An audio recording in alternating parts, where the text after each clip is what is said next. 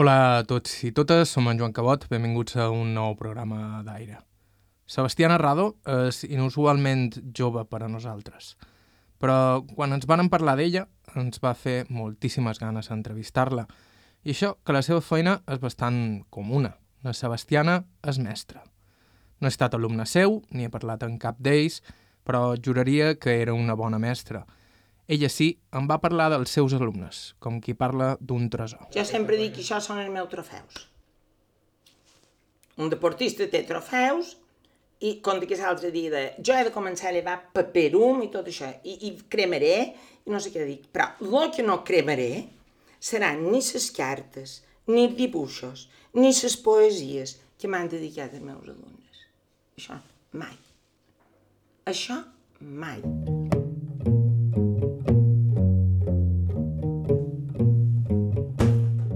Nascuda a Santanyí als anys de la postguerra, Sebastián Arrado va fer-se mestre durant els darrers cinglots de la dictadura i va estar en primera línia durant els anys en què l'educació va viure la seva pròpia revolució, escapant de la grisó del règim per intentar convertir-se en una eina per estimular la curiositat i crear ciutadans lliures i amb els ulls oberts.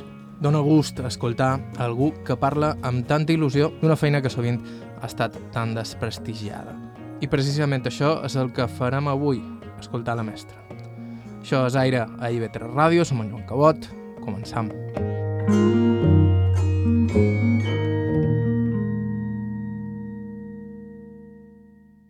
I començam, com sempre, amb les presentacions. Són Sebastiana Rado, a Santanyí tothom també me coneix per Sebastiana del Font, perquè nosaltres teníem un font, i vaig néixer l'any 1944.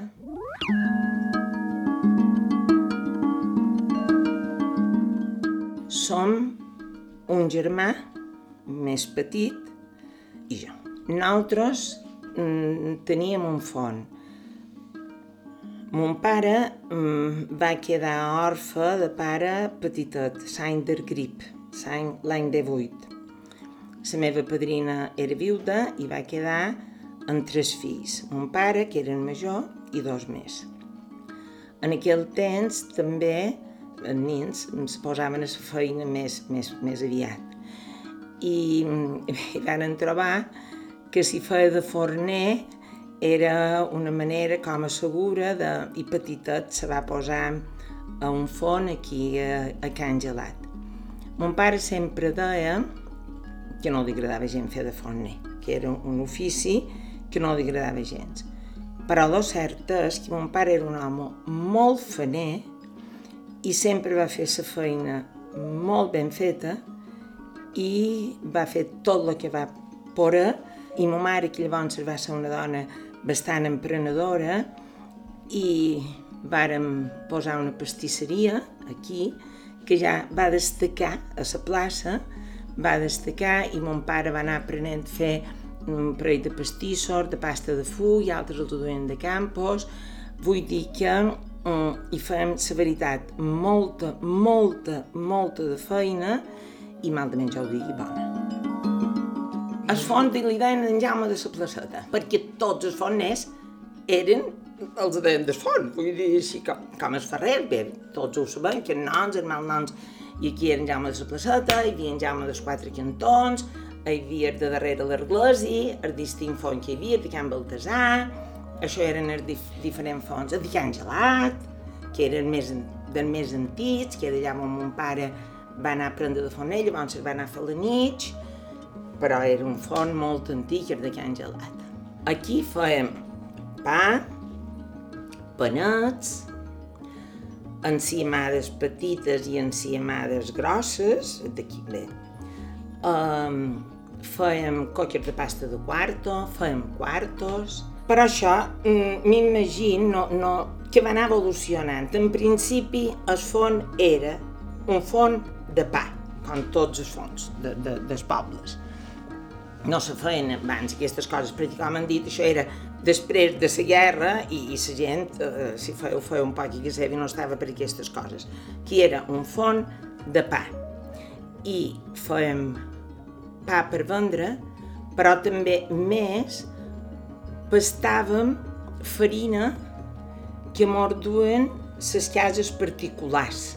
Morduen uns saquets o unes saneetes de farina i jo me record molt de mos pastareu demà a la primera fèiem dues fornades.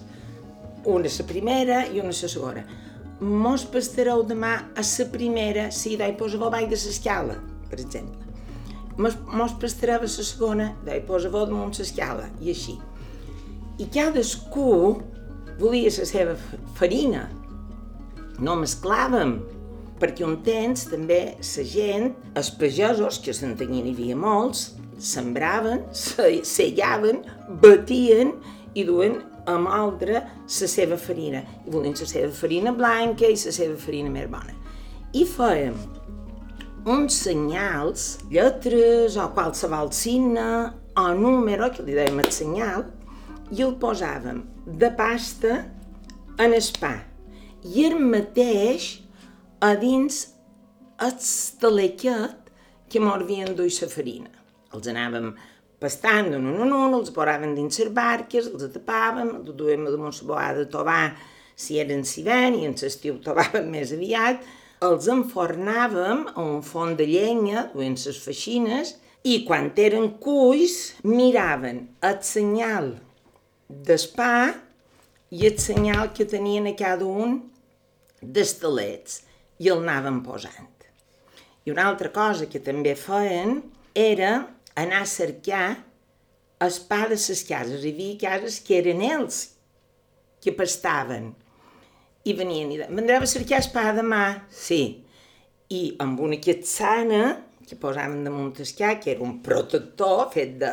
Um, un protector d'escap, perquè no pegàs directament damunt escap per protegir, una rodona de roba, i la posaven damunt escap, i a damunt hi posaven les pots. I anaven a cercar allà on pastaven i la duen. Això pareixen rondades, però és una pura, pura realitat. Feien molt més de pa perquè la gent ara pensa que hi ha encimades i millor la gent berena per un temps de què menjava la gent, i més en aquest temps, de pa, en sobrassada i oli, i, i, i això era el que menjaven, no? Fèiem, ningú, pots feien un pa. A més, també les famílies eren més nombroses i no feien un pa, feien més d'un pa i més de dos, i, i, i, i postades ben grosses, i un pan ben grossos, que feien les panades també.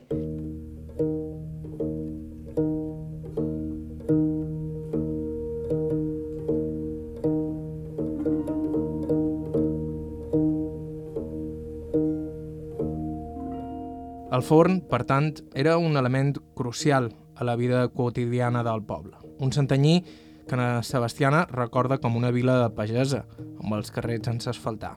També com un poble tocat pel contraband, com tants altres pobles pròxims a la costa. I encara un element més, la pedra de Santanyí. Pagès, mariner i de menestrals.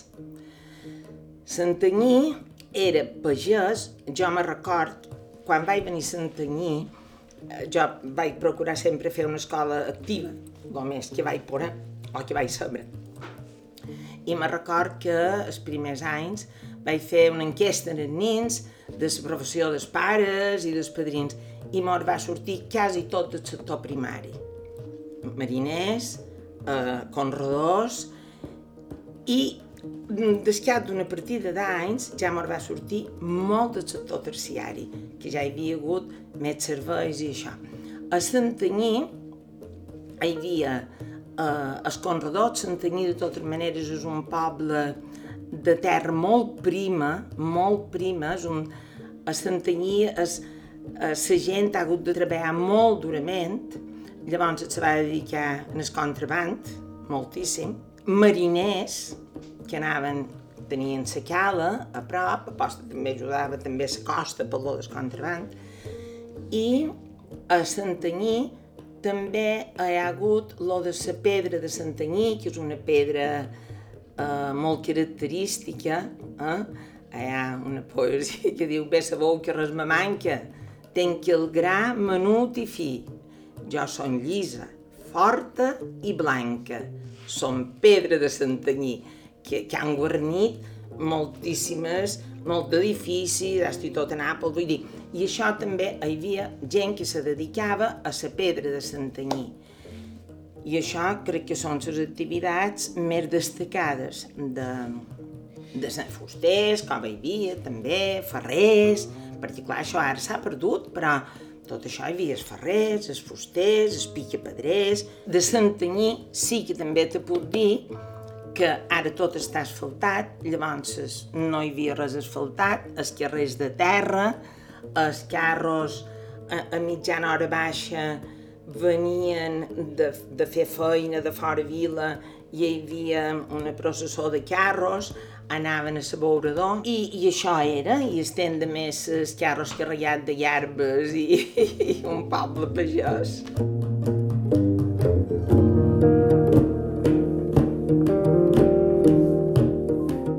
Sebastiana l'hem sentida parlar molt de son pare i del forn, però qui de veres tindria una influència definitiva en el seu futur seria la seva mare.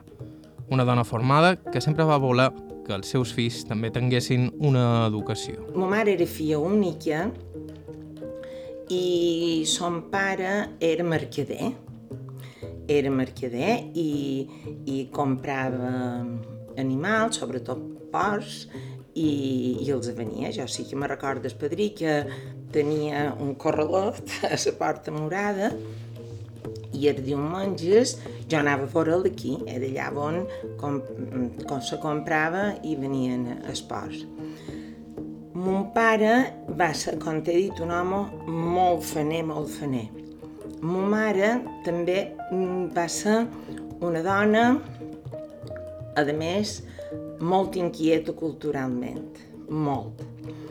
Uh, per ser en aquell temps, ella era una dona que escrivia sense falta d'ortografia, redactava molt bé, de joveneta va insistir que seva per anar a classe de música i, i amb unes quantes amigues més, tenint la foto, anaven a que hi ha un senyor, un home, que era director de, de la música, l'amo Joan Parelló, i els va ensenyar Lleut i Mandurri i ma mare va ser d'aquestes lotes que hi anava i me contava que quan havia cine mut, allà on se feia cine se deia Can Barrió, a Santanyí, i elles anaven a posar música, a tocar a les pel·lícules mudes allà.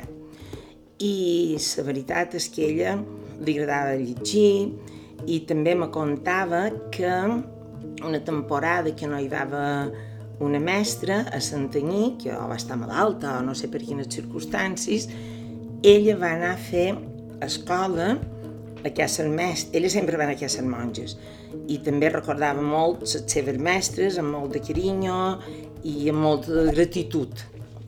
I ella va anar aquesta temporada i sempre ho retreia. Quan ella va anar a fer de mestre, quan ella va anar a substituir la mestra, ell això ho duia molt de dins aposta crec que va influir molt en jo també, per aquest assumpte.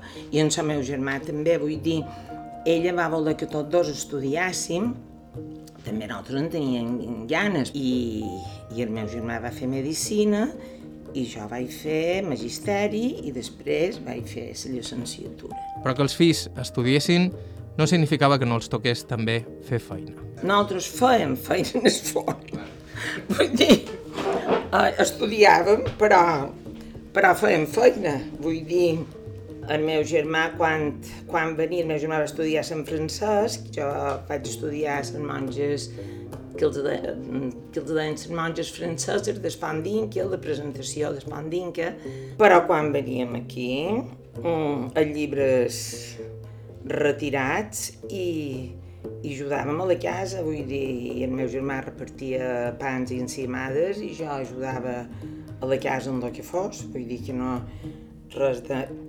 De fet, jo vaig estudiar magisteri els temps que jo despatxava en aquesta pastisseria que t'he dit que havien posat a la, plaça i jo estudiant mmm, despatxava, vull dir que no, vaciadures poques. Sobre els seus estudis i sobre la seva llarga carrera com a professora, ens sentirem a parlar ara en uns segons. Estau escoltant Aire a IB3 Ràdio, fem una breu pausa i continuem.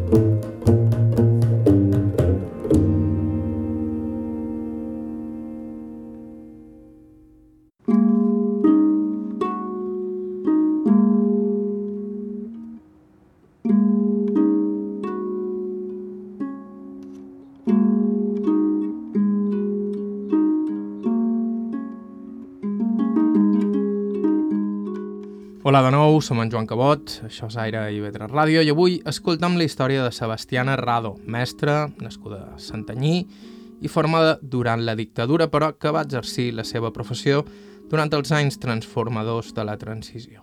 A ella l'havíem deixada, però, a les portes de traslladar-se a Palma per estudiar. Abans, a Santanyí, la seva infància havia transcorregut com la de tants altres infants d'aquella generació. Jo recordo infància en esquerrer. en esquerrer.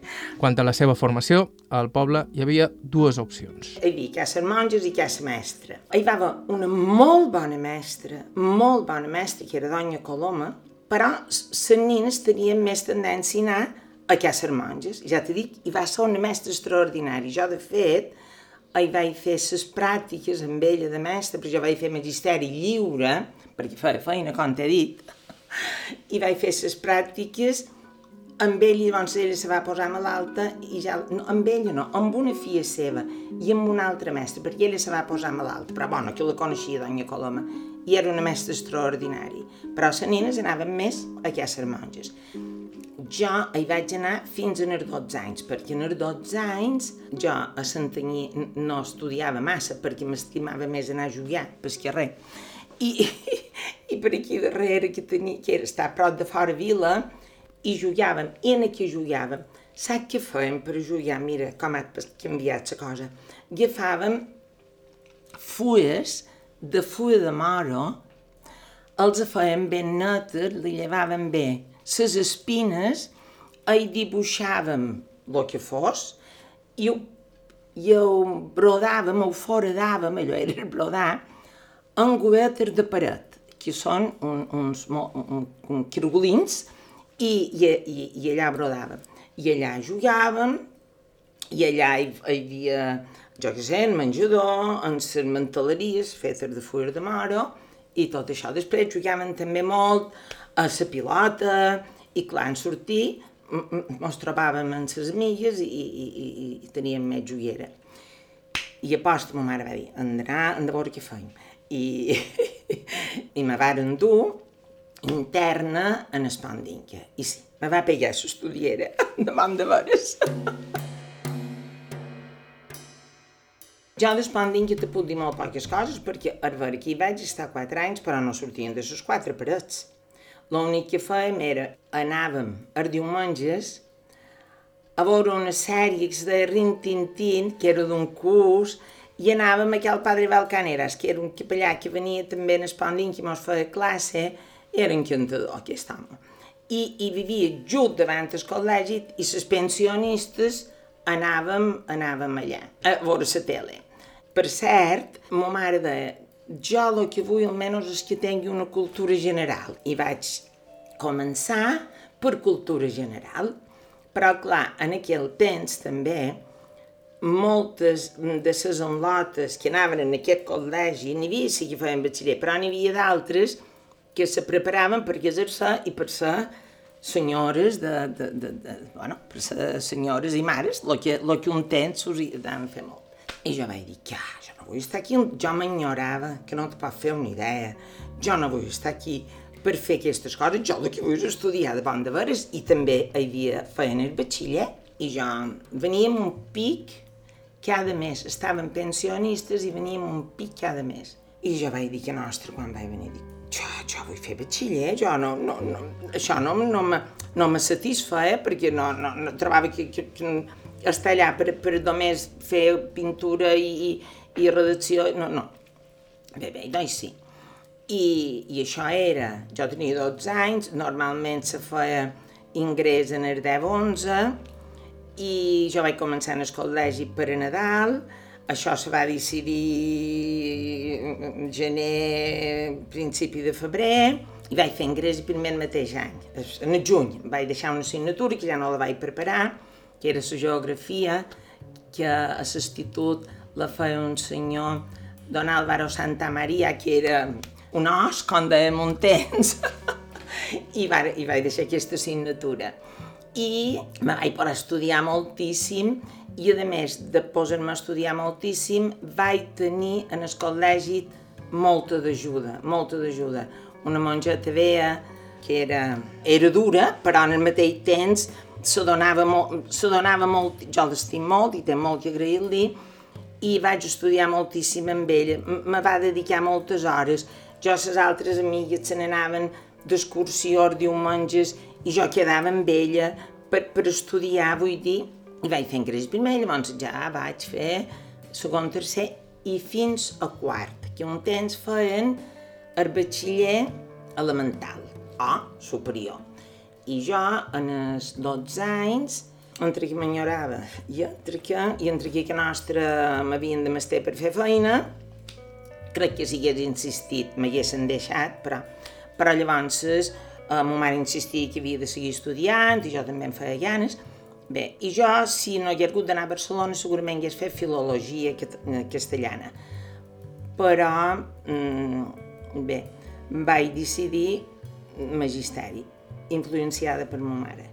Però la veritat és que he estat tan feliç fent de mestre, tant i tant, que ha estat el millor que m'hagi pogut passar.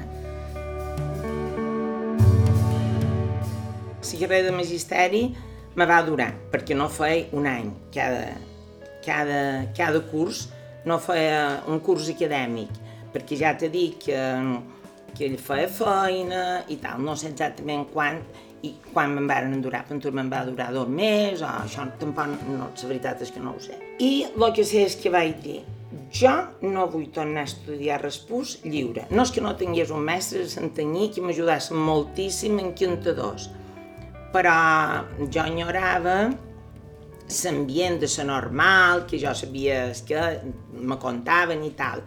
I a l'hora de fer treballs tota sola, i a l'hora de... tota sola, i, perquè els altres eren a la normal i, i, i, i jo... Hi havia un parell d'en lots que començaven a estudiar, però en nines de la meva edat no hi havia ningú, no, no hi havia ningú que estudiés una filla de Doña Coloma que t'he dit, sí que va ser mestra, que era bastant més major que jo, però no, no, no era de la meva edat. Supos que sa mare també li va ajudar i no, no sé, na Coloma, i, som, i eren molt amigues, ara ja no és, eren molt amigues en la Coloma, però tampoc no sé, els seus estudis crec que van a ser normal i això.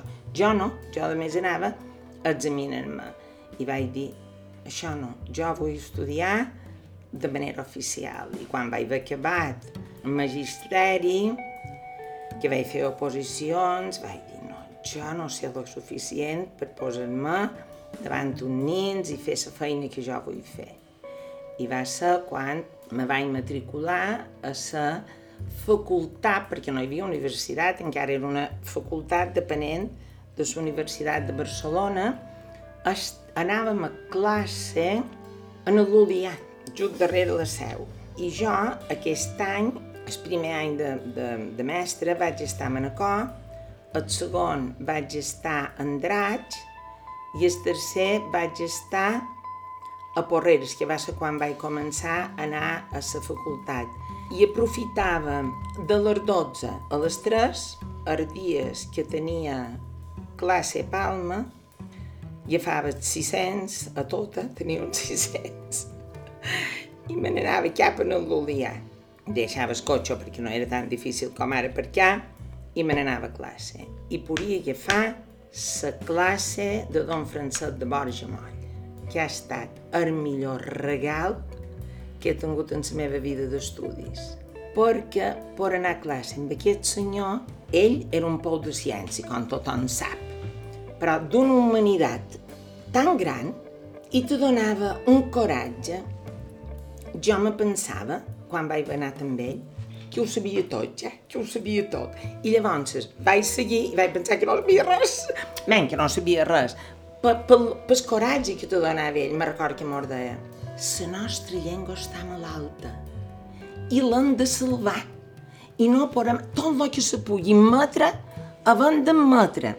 Llavors vaig anar amb altres més, a lo millor més rigoristes, més, ho dic en aquest sentit, vull dir, va ser, va ser preciós anar a classe en don.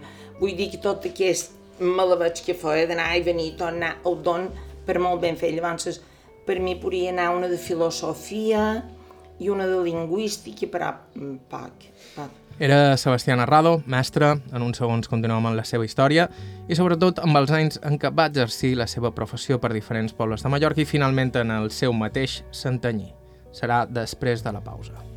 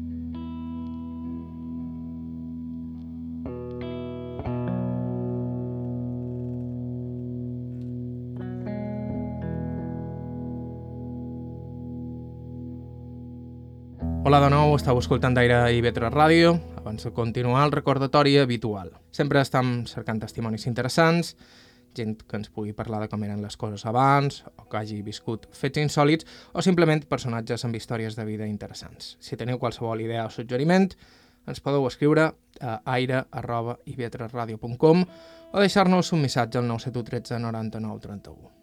Una de les persones que més idees i bones ens està donant darrerament és en Rafael Gelabert, oient fidel del programa, aquí aprofitant per donar-li de nou les gràcies. Va ser precisament ell qui ens va parlar de Sebastià Narrado i de nou va ser un autèntic plaer parlar amb aquesta mestra nascuda a Santanyí i escoltar-la parlar amb una passió increïble sobre la seva feina, una feina sovint feta de menys, però que especialment en els anys posteriors a la dictadura va tenir un paper molt important en la formació de noves generacions de ciutadans, per no parlar de la normalització de la nostra llengua. La Sebastiana, ja ho ha explicat, va passar per uns quants pobles abans d'arribar definitivament al seu, Santanyí. Bé, llavors jo vaig estar de, de, de Porrera, vaig venir a Santanyí i hi vaig estar dos anys.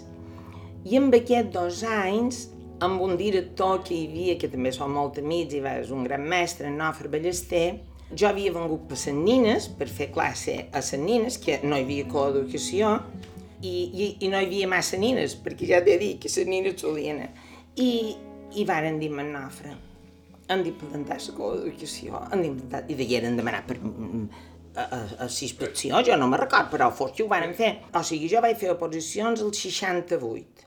68, 69 vaig estar a Manacor, 69, 70 a Andratx, 70-71 a Porreres i de 71 fins en el 74, 71-74, dos anys a Santanyí, que va ser quan varen fer tot això de la coeducació. Però estaven provisionals, llavors, vull dir, no, no te solien donar plaça, te donaven places que estaven desocupades o per comissió de serveis o per el que sigui. Se solia fer, no sé. I jo vaig venir aquí per una, per una interinitat. I llavors va sortir una llei que deia que si firmaves, si te comprometies a estar sis anys a una escola de menys de 2.000 habitants, eh, ja la te donaven definitiva. I jo me'n vaig anar a les Salines, que també va ser un experiència preciosa, vull dir, i no n'hi vaig estar 5, n'hi vaig estar 11. fins que llavors Antoni Vidal i na Rosa també, que sempre han anat com a... són molt amics, a més, i han tingut inquietuds i tal. Hi havia en Sebastià Barceló també, hi havia plaça de Santanyí. I què fèiem? Anàvem a Santanyí, anàvem i farem feina en el nostre poble, les salines disfrutaven, però clar, jo aquí també feia catequesi, fèiem truet i això. I, i si anàssim en el nostre poble i faríem feina i tal. I varen decidir, varen venir en dos anys tots aquí a Santanyí, un disgust de deixar les salines, jo l'estim molt, molt, molt a les salines, tots els alumnes que he tingut, i no només alumnes, pares i la gent de les salines. I llavors vaig venir aquí ja i ja m'hi vaig jubilar. Jo vaig fer molt, eh, sí, a les salines sobretot, el cicle mitjà, quart i quint, i també a les salines amb una mestra mm, que, que mos enteníem molt, bé, tot però pedagògicament, ben que diem, Anna Maria Lida, i també van dir, i per què no fem una cosa? Per què no juntam els dos cursos, ella feia quart i jo feia quint, una farà la part de ciències i l'altra farà la part de lletres, i així també ja et pot dedicar més a preparar les coses, a fer altres treballs, i ho varen fer així, Anna Maria Lida també ja van fer això. Clar, el director, en Sebastià Portell, no mos, mai mos va dir que no, tampoc, sempre van fer el que van voler. De fet, jo aquestes sortides que t'he dit que feia, que en aquell temps no se'n feien, ara en fan, però en aquell temps no se'n feien, i a jo m'hi acompanyaven ser mares. Ser mares. Perquè jo no me'n volia anar en tot un grup de nins i nines, tota sola, perquè si no s'hagués fet una jo no era, oh, jo, era una responsabilitat i una mare, un dia un, un dia l'altre, m'acompanyaven a fer aquestes visites. Aquells anys, com han dit, van ser temps de transformacions. Ja des dels darrers dies del franquisme, a poc a poc, els professors anaven punyint per obrir l'escola i modernitzar l'ensenyament. I un cop va morir Franco, aquests canvis van començar a precipitar-se de cada cop a major velocitat. Com te dic, hi havia... Ses, els, els soldats ja tenien l'escola graduada o sigui, ja tenien graus, no, un parell de graus. Les nines els, eren unitaris. Jo, per exemple, quan vàrem estar a Porreres, mm, una amiga meva, la Joana Clar, feia classe a les nines, i era una unitari, a més feien classe a dins una casa veia, i jo me'n vaig anar, i jo vaig agafar pàrvols que eren tres o quatre nines. Me vaig, me vaig trobar molt bé, i la Joana també, el que passa que ja t'he dit, era un unitari i, i, i, i no hi havia cap mitjà ni una... L'escola era una casa vea, en cap condició d'higiene, de, de, de res. I nosaltres ho adaptàvem així com podíem i, i, i fèiem el que podíem. I aposto, quan jo vaig venir a Santanyí, que de Porrera vaig venir a Santanyí, vàrem decidir, eh, i ja mos ho varen deixar fer, per tant, la cosa ja, ja se removia un poc, hi havia color d'en Villar Palassi, la cosa ja se movia una miqueta, i vàrem fer lo de la coeducació. Coeducació volia dir que podies tenir en nins més del mateix nivell, podies fer coses més adequades a ells, en són nins i en són nines. Llavors, aquí també se va, començaven a xerrar de, de la implantació del català. Les salines també ja, ja, ja en feien, però extraoficial, vull dir que, bueno, ja sortint del franquisme, ja ara en aquest temps de les salines ja, ja en sortíem, 74 i 11, 85, jo devia venir a Santanyí en el 85, i la cosa ja se començava a moure, i ja feien també reunions pedagògiques i, i això. Llavors, hi va haver les diferents lleis que tu saps, que, bueno, que l'OTSEL, però nosaltres amb això ja ens van com a anar adelantant. I, i, i, i fèiem ja, per exemple, l'AMPA, que tenim una, una AMPA de mares molt potent i que col·laboraven molt, i ja van, no hi havia, no feia música ni res, i ja varen posar a Santanyí ja, a compte nostre, una mestra de música. I fèiem també classe de català Antoni Vidal, en Miquel Barceló, que era director, i jo.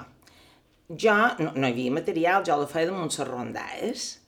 Agafava una rondalla, cercava paraules, els explicaven en nins, el vocabulari que trobava més adient, fèiem frases, jugàvem, tot i que material ja el tenc, escenificàvem, i llavors, el darrer, contàvem un trosset de la rondalla.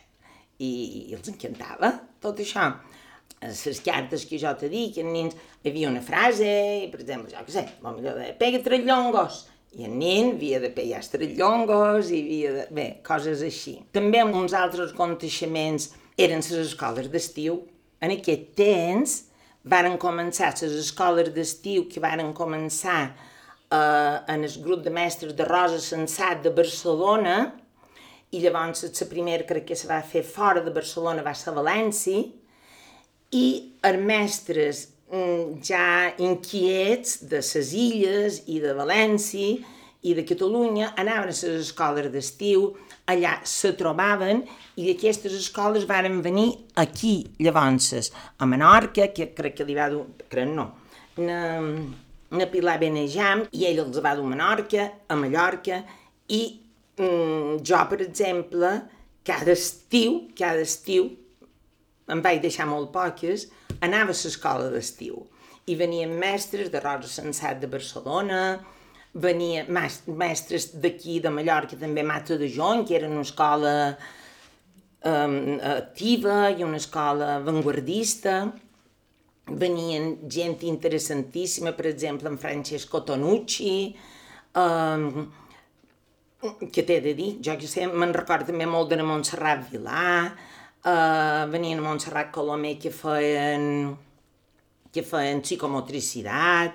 Clar, jo me n'anava a veure de totes aquestes coses, entusiasmadíssima, i, i llavors l'aplicava, l'aplicava aquí, aplicava tot el que podia aquí, perquè jo, una de les coses, quan estudiava, jo sempre pensava que el que estudiava m'agradava, però no li veia una aplicació a la meva vida.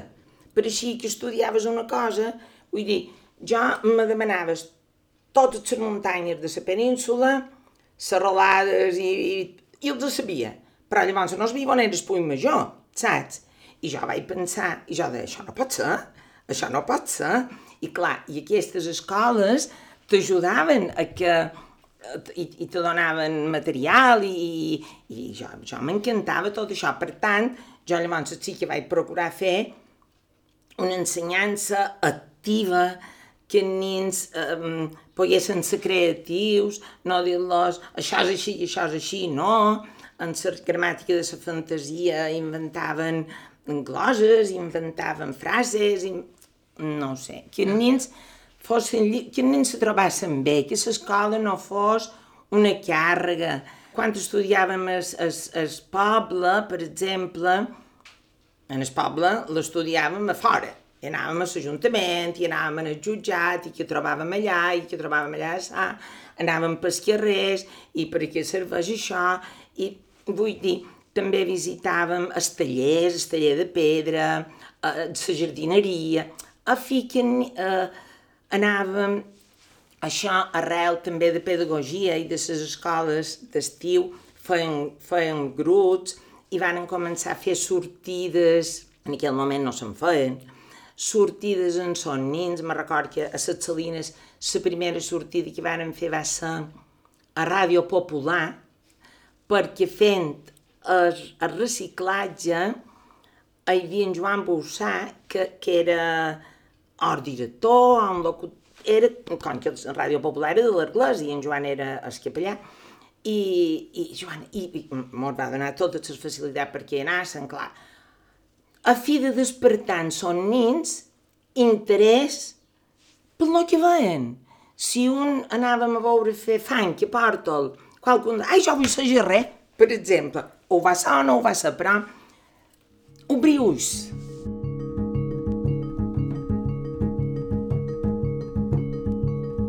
Aquests canvis no sempre es trobaven en la complicitat de tothom. De vegades, en són mestres, segons, no hi havia col·laboració. Segons, segons amb quins mestres. Amb altres sí, Però, bueno, fèiem, fèiem, eh, fèiem el que podíem, fèiem el que podíem i, sobretot, sí que mai vaig tenir, bé, jo una temporada molt llarga vaig assajar d'estudis, vull dir, mai vaig tenir per part de l'escola limitacions limitacions. A lo millor, a lo millor hi havia mestres que tenien una altra concepció de l'escola totalment respectable i tota... Però Antoni Vidal, per exemple, ja en sos lots en quant a història i en quant a literatura, el que passa que ell feia un, un cicle i jo en feia un altre, vull dir, les parvulistes igual, vull dir que trobar lo millor dins el teu cicle no era fàcil, però sí que de vegades ho vaig trobar. I sobretot el que vàrem fer va ser a, mitjorn, que mos varen dir grup mitjorn, un grup de mestres de Campos, de la Colònia, de les Salines, de Falanich i de Llum Major. I mos reuníem de tant en tant, cada un cert temps, planificaven coses, van venir a Dolors, Dolors Rius, i, i mos donava material, maneres de la lectoescriptura també novedoses, no que el mi mamà me ama, amo a mi mamà, jo ja t'he dit que també en lo d'enrodar-hi mm, hi vaig fer molta de feina, vull dir que sí que vaig trobar sempre companys que me varen ajudar a obrir-me. A l'escola duem animals, a l'escola varen posar iolines, eh, perquè per, per, per seguir tot el seu procés, eh, en fi, que, que els alumnats mm, disfrutassen. Després també vam fer un programa amb una del col·legi sobre filosofia a l'escola, que també va ser molt guapo. Una altra cosa que tenien que els alumnats i crec que va donar molt bon resultat perquè jo hi ha hagut mares que m'han dit que un dia va dir Sofia és que tot el dia estàs en sol i la mestra que em desculpa teníem una biblioteca d'aula i jo els comprava també això amb, amb el vistiplau de l'escola, vull dir, si l'escola no m'ho hagués permès, no ho hagués pogut fer, o els pares o, o, aportaven. I jo me n'anava per venir carregada de llibres de Los Cinco, d'en Tintín, mm, el vaixell de vapor, um, jo què sé.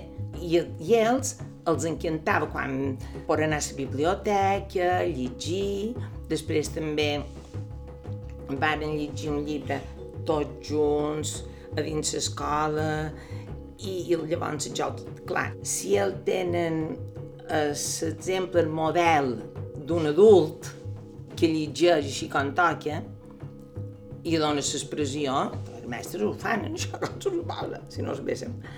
I, I ells això els encantava. I jo començava a llegir una estona. I aquí m'apareix que era un molt bo, que de Holandi Pere, aquest any i, i, jo, i ells en tenien un prom i, i jo llegia. I, de, I llavors els deia, bé, ara puc llegir fins aquí. No, mestre, sí, no, ara no dius aquí vostre, vosaltres ho prepareu i demà ho tornaran a llegir aquí. I la veritat és que crec que se varen motivar molt per la lectura. També varen ser anys de reptes. Zones com Santanyí van haver de fer front a les diverses onades d'immigració, acollint els fills dels treballadors que arribaven primer de la península i després de l'hemisferi sud. I van començar a venir els immigrants, es, es, sobretot de, del Marroc. Clar, això va ser un poc dur, no per nins, que sempre, bé, jo que trobo que són encantadors, també van tenir nins de mm, d'ètnies gitanes, però això, cap problema. Vull dir, el problema era que no teníem, jo sempre vaig protestar per això, que no tenien recursos per integrar-los. I un enlot que no li pot donar el que necessita, jo procurava personalment donar-me el tope, i fora de l'escola i això, però eh, el que és, vull dir, no te pot fer dos trossos. Aposta, això ja em feia patir molt. Això me feia patir molt. Jo quan veia que venien aquí els nens, que no tenien, que millor venien a començar a fer segon o tercer. No tenien idea, clar, el que podien tocar i el que podien experimentar. Sí, però no els abastava això. I això no ha hagut mai els recursos suficients a les escoles perquè això, jo sempre he protestat per això, mai ha hagut els recursos suficients, ni és encara ara. Ni és encara ara, quan diuen és que l'escola hauria de ser pública. D'acord, però dota-la de recursos, dota-la de recursos, de mestres necessaris, de la financiació necessari. Allà jo, un dels llibres que... dos llibres m'han marcada com a mestra. Un era uh, Carta d'una mestra i l'altre Diario de un maestro. I en aquesta carta d'una mestra, que són les, es, està escrit per uns nins d'una escola de Perdevés Florenci, mm, que era una escola rural, que hi va anar un capellà desterrat, entre cometes, perquè havia escrit una, un llibre que no, que, que, que de sant ofici no li van bé i, van, com, i va fer una feinada amb aquests nens. I aquests nens, aquesta carta, una mestra, no és que vagi dedicada a mestre, sinó que ells reivindiquen el que és per ells l'escola, amb l'experiència preciosa, pedagògica, sense llibres, que han tingut amb aquest, amb aquest, amb aquest capellà, Lorenzo Milani. I diu una frase que jo se me va gravar en foc, i l'he dit molt pits en aquesta frase. No hi ha res més injust que fer parts i quarts entre desiguals.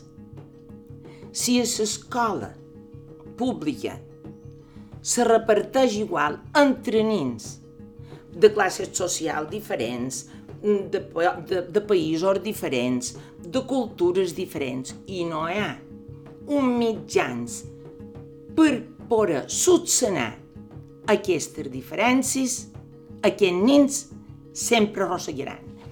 I no hi ha altre pens, i n'estic convençuda, no hi ha millor per salvar, entre cometes, salvar vol dir fer persones lliures, que és l'educació. És la manera de poder passar barreres i fer-te una persona. La societat, i jo crec molt en les persones, eh? no, hi crec molt i crec que hi ha persones molt bones, n'estic segura, vull dir, no són negatives en la societat, però som injusts. Te diré, en nens, nens que a casa seva sofreixen violència, nens vulnerables, nens en condicions difícils, etc, etc, etc. Tots els temps que són petits, la societat quasi no hi pensa. Aquests nens sofreixen. Aquests nens estan traumatitzats. Aquests nens ho passen malament. Però per que no hi són. Però aquests nens creixen. I no creixen d'una manera sana. Si no troben qualcú que els ajudi a, a, a, a sortir de tota aquesta cosa, que, que els surti a redimir-se, per dir-ho de qualque manera. Si no troben una persona que de veres els estimi, una persona... I clar, en poden trobar una, però no és una, és el sistema que va de fer. Que en tornen grans. Llavors es tenien nens amb problemes, joves amb problemes, homes amb problemes, dones amb problemes. I quan aquests homes mos compliquen, entre cometes, la vida, llavors es peguem el de desesperació. Però tot el temps que els van passar malament, què? Qui els ha donat mans? A l'escola el que han pagut. El que han pagut. Però no basta. No basta. Si no hi ha una revolució que se dediqui molt de recursos a la sanitat i a l'educació, un país no progressa, així com toca. Aquesta és la meva opinió. Vet aquí la idea d'igualtat de Sebastià Narrado.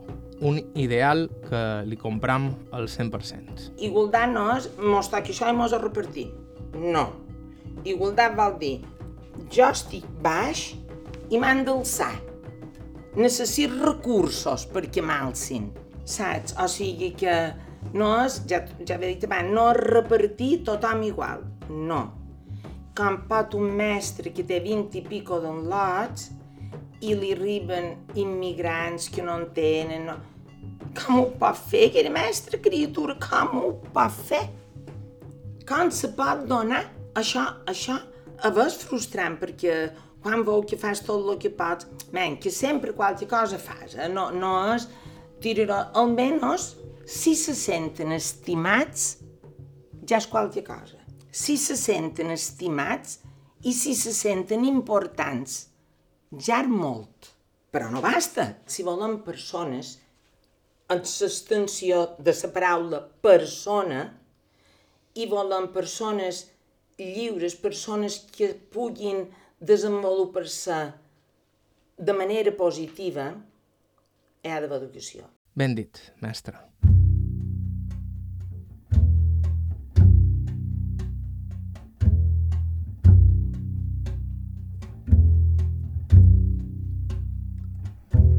I fins aquí el programa d'avui. Moltíssimes gràcies a Sebastià Narrado pel seu temps i amabilitat i moltíssimes gràcies de nou a Rafael Gelabert per proposar-nos l'entrevista. Si voleu fer el mateix que ell, ens podeu enviar un correu a aire.ivetresradio.com o bé deixar-nos un missatge al 971 13 99 31. Recordeu que vos podeu subscriure al podcast d'Aire a qualsevol dels agregadors disponibles i a ivetres.org barra carta i trobareu tot l'arxiu del programa. La música que ha sonat avui ha estat de Joshua Abrams, Marissa Anderson amb Jim White, Jacob Bro i Chris Speed Trio. Bàrbara Ferrer, la producció executiva, us ha parlat Joan Cabot, gràcies per ser a l'altre costat i fins la setmana que ve.